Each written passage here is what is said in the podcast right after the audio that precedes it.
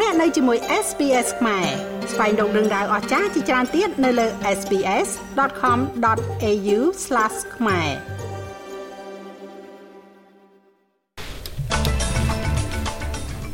អគ្គមេធាវីចរានចោលការពង្រីកវិសាលភាពនៃការស៊ើបអង្កេតរឿងអាស្រូវសម្ងាត់របស់លោក Scott Morrison មកលើការប្រព្រឹត្តរបស់រដ្ឋនឹងដែនដីអូស្ត្រាលីបង្ហាញការគ្រប់គ្រងអ៊ុយក្រែនខណៈដែលប្រទេសនេះប្រារព្ធខួប6ខែនៃការឈ្លានពានរបស់រុស្ស៊ី រដូវកាលភ្លើងឆេះព្រៃកម្រិតធម្មតាត្រូវបានព្យាករណ៍សម្រាប់តំបន់ភាគច្រើននៅក្នុងប្រទេសដោយសារអាកាសធាតុសើមដែលបង្កឡើងដោយព្រឹត្តិការណ៍ឡានីណាអគ្គមេធាវីលោក Mark Dreyfus បានច្រានចោលការពង្រីកវិសាលភាពនៃការស៊ើបអង្កេតលើរឿងអាស្រូវសម្ងាត់របស់លោក Scott Morrison ដើម្បីរួមបញ្ចូលការពិនិត្យមើលលើការប្រព្រឹត្តរបស់រដ្ឋនិងដែនដីក្នុងអំឡុងពេលរោគរាតត្បាត។ រដ្ឋាភិបាលសហព័ន្ធបានប្រកាសពីការស៊ើបអង្កេតឯករាជ្យនេះបន្ទាប់ពីការផ្ដាល់ដំបូន្មានរបស់លោកអគ្គមេធាវីស្ដីពីភាពស្របច្បាប់របស់លោក Morrison នៅក្នុងការស្បត់កាន់តំណែងដោយសម្ងាត់នៅក្នុងក្រសួងចំនួន5ខណៈពេលដែលលោកជានាយករដ្ឋមន្ត្រីដំបូន្មាននេះបានរកឃើញថាខណៈពេលដែលលោក Morrison មិនបានបំពេញច្បាប់នោះ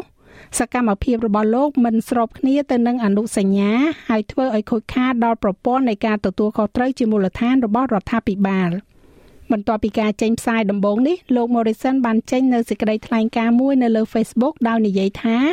លោករំពឹងថានឹងមានការស៊ើបអង្កេតដែលអាចជឿទុកចិត្តបានណាមួយពង្រីកដល់សកម្មភាពរបស់រដ្ឋនិងដែនដីផងដែរ។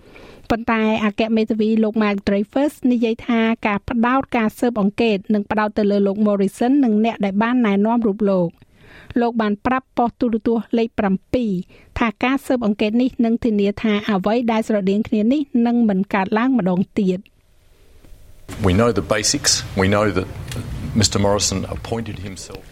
យើងដឹងពីមូលដ្ឋានយើងដឹងថាលោក Morrison បានតែងតាំងខ្លួនគាត់នៅក្នុងក្រសួងចំនួន5យើងដឹងថាគាត់បានរក្សាការសម្ងាត់យើងមានរឿងផ្សេងទៀតដែលត្រូវពិនិត្យហើយត្រូវធ្វើឲ្យប្រកាសថាវាមិនកើតឡើងម្ដងទៀតទេព្រោះច្បាស់ណាស់នេះគឺជាការបំផ្លាញមួយមូលដ្ឋាននៃការជឿទុកចិត្តនិងសុចរិតភាពនៅក្នុងរដ្ឋាភិបាលយើងមិនអាចមានរឿងបែបនោះទេយើងត្រូវពិនិត្យមើលរឿងនេះហើយនោះជាអ្វីដែលការស៊ើបអង្កេតស្ដីអំពី លោកនាយករដ្ឋមន្ត្រី Anthony Albanese បានអះអាងសារជាថ្មីអំពីការគាំទ្ររបស់អូស្ត្រាលីចំពោះប្រជាជនអ៊ុយក្រែនខណៈដែលប្រទេសនេះប្រារព្ធខួប6ខែចាប់តាំងពីការឈ្លានពានរបស់រុស្ស៊ីក្នុងពេលតែមួយជាមួយនឹងថ្ងៃឯករាជ្យលើកទី31របស់ខ្លួន។ នៅក្នុងសេចក្តីថ្លែងការណ៍មួយលោក Albanese និយាយថាការតស៊ូរបស់អ៊ុយក្រែនប្រឆាំងទៅនឹងការឈ្លានពានដ៏ឃោរឃៅរបស់រុស្ស៊ី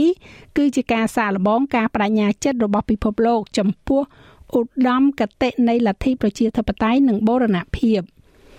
លោកក៏បានទទួលស្គាល់ការរួមចំណែករបស់ជនជាតិអ៊ុយក្រែនអូស្ត្រាលី និងជនជាតិអ៊ុយក្រែនចំនួន3800នាក់ដែលបានមកអូស្ត្រាលីចាប់តាំងពីការឈ្លានពានបានចាប់ផ្ដើមឡើងនៅក្នុងខែកុម្ភៈ មេដឹកនាំបកប្រឆាំងលោក Peter Dutton ក៏បានសម្ដែងនៅមនោសញ្ចេតនាស្រដៀងគ្នានេះផងដែរដោយបានអំពាវនាវឲ្យរដ្ឋាភិបាលសហព័ន្ធធ្វើអ្វីគ្រប់យ៉ាងដែលចាំបាច់ដើម្បីធានាថាអូស្ត្រាលីនៅតែនាំមុខគេក្នុងការគ្រប់គ្រងសម្រាប់អ៊ុយក្រែន។ ការប្រមាលមើលអាកាសធាតុចុងក្រោយបង្អស់របស់ប្រទេសអូស្ត្រាលីកំពុងព្យាករណ៍នៅរដូវភ្លើងឆេះព្រៃកម្រិតធម្មតាសម្រាប់តំបន់ភាគច្រើនដោយសារតែអាកាសធាតុសើមដែលបណ្ដាលមកពីព្រឹត្តិការណ៍អាកាសធាតុឡានីណាម្ដងហើយម្ដងទៀតការប្រមាលមើលរបស់ក្រមប្រឹក្សាជាតិសម្រាប់សេវាកម្មអគិភ័យនិងសេវាសង្គ្រោះបន្ទាន់ព្យាករណ៍ពីសក្តានុពលភ្លើងឆេះទាបជាងធម្មតាសម្រាប់រដ្ឋ New South Wales រដ្ឋ Victoria និងរដ្ឋ Queensland បើទោះបីជាគេរំពឹងថានឹងមានហានិភ័យលើសពីមធ្យមនៅផ្នែកខ្លះនៃភាគកណ្ដាលនៃប្រទេសអូស្ត្រាលី និងភាគខាងជើងរដ្ឋអូស្ត្រាលីខាងលិចក៏ដោយតំបន់ភាគខាងកើតប្រទេសអូស្ត្រាលីបានជួបប្រទះនៅព្រឹត្តិការណ៍ឡានីណាម្ដងហើយម្ដងទៀតដែលនាំមកនៅលក្ខខណ្ឌសើមនិងទឹកជំនន់ជាមួយនឹងអាកាសធាតុ70%នៃព្រឹត្តិការណ៍នេះកើតឡើងម្ដងទៀតនៅនីតិខៈរដូវ។ ប៉ុន្តែលោក Rob Webb មកពីក្រុមប្រឹក្សាជាតិសម្រាប់សេវាអគិភ័យនិងសង្គ្រោះបន្ទាន់និយាយថាប្រជាជននៅតែគួរត្រៀមខ្លួនសម្រាប់រដូវកាលភ្លើងឆេះព្រៃនៅពេលនេះ The seasonal outlook it shows quite varied fire potential. ការប្រមាលមើលតាមរដូវកាលបង្ហាញពីសក្តានុពលភ្លើងឆេះព្រៃខុសៗគ្នា វាមានសភាពសើមខ្លាំង នៅទូទាំងប្រទេសវាបានធ្វើឲ្យមានកំណើនស្មៅយ៉ាងច្រើននៅកន្លែងខ្លះហើយយោងទៅតាមអ្នកជំនាញមកពីការិយាល័យនេះយើងកំពុងមើលទៅទំនងជាឆ្ពោះទៅកាន់ឡានីណាមួយផ្សេងទៀតម្យ៉ាងវិញទៀតនោះ មានន័យថា យើងប្រហែលជាកំពុងប្រមាលមើលរដូវកាលភ្លើងឆេះព្រៃនៅក្នុងកម្រិតធម្មតានៅក្នុងតំបន់ភាគច្រើនប៉ុន្តែនឹងនៅតែមានកន្លែងខ្លះដែលមានស្មៅដុះលូតលាស់និងមានចំហេះច្រើននៅទីនោះដែលអាចនឹងឃើញគ្រោះថ្នាក់ភ្លើងឆេះកម្រិតមធ្យមក្រសួងអប់រំនៃរដ្ឋ Queensland បានចាត់វិធានការដាក់វិន័យចំពោះគ្រូបង្រៀននៅក្នុងរដ្ឋនេះដែលបានបដិសេធមិនព្រមចាក់វ៉ាក់សាំងបង្ការ COVID-19 ការពិន័យគឺធ្វើឡើងទៅតាមកលៈទេសៈជាក់លាក់របស់បុគ្គលម្នាក់ម្នាក់ដែលស្មើនឹងការកាត់ប្រាក់ខែចន្លោះពី25ដុល្លារទៅ90ដុល្លារក្នុងមួយសប្តាហ៍ក្នុងរយៈពេល18សប្តាហ៍ដែលសមាមាត្រទៅនឹងប្រាក់ឈ្នួលស្តង់ដារ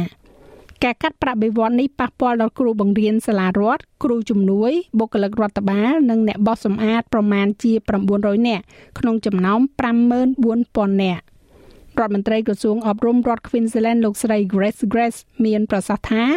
វិធានការដាក់វិន័យគឺតែងតែស្ថិតនៅលើខ្សែផ្ដេកសម្រាប់បុគ្គលិកកម្មករដែលមិនបានចាក់វ៉ាក់សាំងការស្រាវជ្រាវថ្មីបានពង្រឹងទំនាក់ទំនងរវាងសុខុមាលភាពផ្នែកហិរញ្ញវត្ថុនិងសុខភាពផ្លូវចិត្តដោយសារថ្លៃចំណាយជីវភាពរស់នៅបន្តកើនឡើង លោក របាយការណ៍ដែលជាកិច្ចសហការរវាង Beyond Blue និងគណៈកម្មការវិនិយោគនិងមូលបត្រអូស្ត្រាលី ASIC បានរកឃើញថាប្រជាជនក្មេងៗស្ត្រីនិងជនជាតិដើមដំបូង First Nation រួមទាំងម្ចាស់អាជីវកម្មខ្នាតតូចទំនងជាជួបប្រទះនឹងបញ្ហាសុខភាពផ្លូវចិត្តខ្សោយដោយសារបញ្ហាប្រឈមផ្នែកហិរញ្ញវត្ថុ។ Dr. Grant Blasky អ្នកដឹកនាំផ្នែកព្យាបាលរបស់ Beyond Blue និយាយថាសេវាកម្មគ្រប់គ្រងសម្រាប់សុខភាពផ្លូវចិត្តនិងហិរញ្ញវត្ថុគួរតែអាចចូលប្រើប្រាស់បានដោយងាយ As a GP I see a lot of people who experience ក្នុងនាមជា GP ខ្ញុំឃើញមនុស្សជាច្រើនដែលជួបប្រទះភាពតានតឹងផ្នែកហិរញ្ញវត្ថុទ្វេដងនិងធ្វើឲ្យសុខភាពផ្លូវចិត្តកាន់តែយ៉ាប់យឺនហើយនិយាយដោយស្មោះត្រង់វាមិនមានចន្លោះច្រើនទេ នៅពេលដែលអ្នកជំពាក់បំណុលគេដើម្បីអាចបង្កើតនៅពេលវេលា និងចន្លោះដើម្បីមើលថែសុខភាពផ្លូវចិត្តរបស់អ្នកអ្វីដែលរបាយការណ៍នេះប្រាប់យើង គឺថាយើងត្រូវការធ្វើសមាហរណកម្មសេវាជំនួយរវាងផ្នែកសុខភាពផ្លូវចិត្តនិងផ្នែកហិរញ្ញវត្ថុឲ្យបានល្អប្រសើរដើម្បីឲ្យមនុស្សអាចទទួលបាននៅជំនួយដែលពួកគេត្រូវការទាន់ពេលវេលានៅក្នុងប្រទេសកម្ពុជាវិញរយៈពេល7ខែក្នុងឆ្នាំ2022នេះសមត្ថកិច្ចបានចាប់ខ្លួនអ្នករកស៊ីជួញដូរមនុស្សប្រមាណជា60នាក់និងសង្គ្រោះមនុស្សបានជាង600នាក់នេះបើតាមលោកស្រីជូប៊ុនអេងរដ្ឋលេខាធិការក្រសួងមហាផ្ទៃនិងជាអនុប្រធានអចិន្ត្រៃយ៍គណៈកម្មាធិការជាតិប្រយុទ្ធប្រឆាំងនឹងអំពើជួញដូរមនុស្ស ហើយក៏មិនមានន័យថាអ្វីដែលយើងធ្វើសុទ្ធតែល្អត្រឹមត្រូវចាសុទ្ធតែមានប្រសិទ្ធភាពពីព្រោះយើងដឹងហើយថាវានៅតែកើតមានចាវានៅតែកើតមាននៅអំពើជួញដូរមនុស្សអញ្ចឹងហើយដែលរដ្ឋាភិបាលបាននឹងកំពុងតែរិះរោបគ្រប់វិធានការចាដើម្បីឆ្លើយតបចាឲ្យបានតាន់ពេលពីព្រោះយើងចង់កាត់បន្ថយភាពរងគ្រោះរបស់ប្រជាពលរដ្ឋចាលោកមេងផល្លានឹងជួនសេចក្តីរាយការណ៍លម្អិតនៅវគ្គក្រោយបន្ថែមទៀត នៅក្នុងព័ត៌មានកីឡាបាល់ទាត់ AFL នាយកប្រតិបត្តិរបស់ក្រុម Essendon គឺលោក Xavier Campbell បានលាលែងចេញពីតំណែងហើយការចាក់ចែងនេះគឺធ្វើឡើងរយៈពេល3ថ្ងៃបន្ទាប់ពីការបណ្ដេញគ្រូបង្វឹក Ben Rutten ចេញហើយបន្ទាប់ពីការបរាជ័យកាលពីសប្តាហ៍មុននៅក្នុងការដេញថ្លៃអតីតគ្រូបង្វឹកនៅក្រុម Hawthorn គឺលោក Alistair Klassen លោក Campbell បានចូលកាន់តំណែងនេះតាំងពីឆ្នាំ2014មកហើយបានចុះហត្ថលេខាឡើងវិញក្នុងខែឧសភាក្នុងនាមជា CEO ក្នុងកិច្ចសន្យារយៈពេល2ឆ្នាំរហូតដល់ចុងបញ្ចប់នៅរដូវកាល2024ចំណែកឯអត្រាប្តូរប្រាក់វិញនៅថ្ងៃនេះ1ដុល្លារអូស្ត្រាលីមានតម្លៃប្រមាណជា69សេនប្រាក់ដុល្លារអាមេរិកត្រូវនឹងជាង2800រៀលប្រាក់រៀលខ្មែរ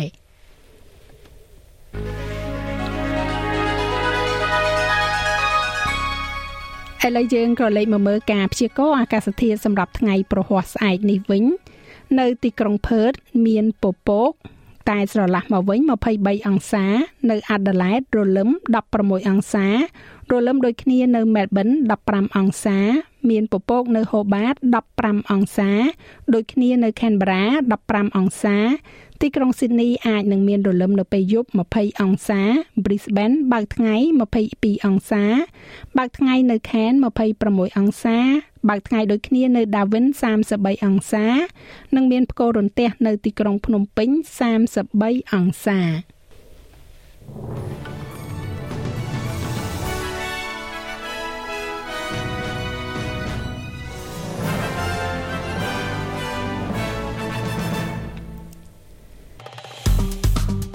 ចុច like share comment និង follow SPS ខ្មែរនៅលើ Facebook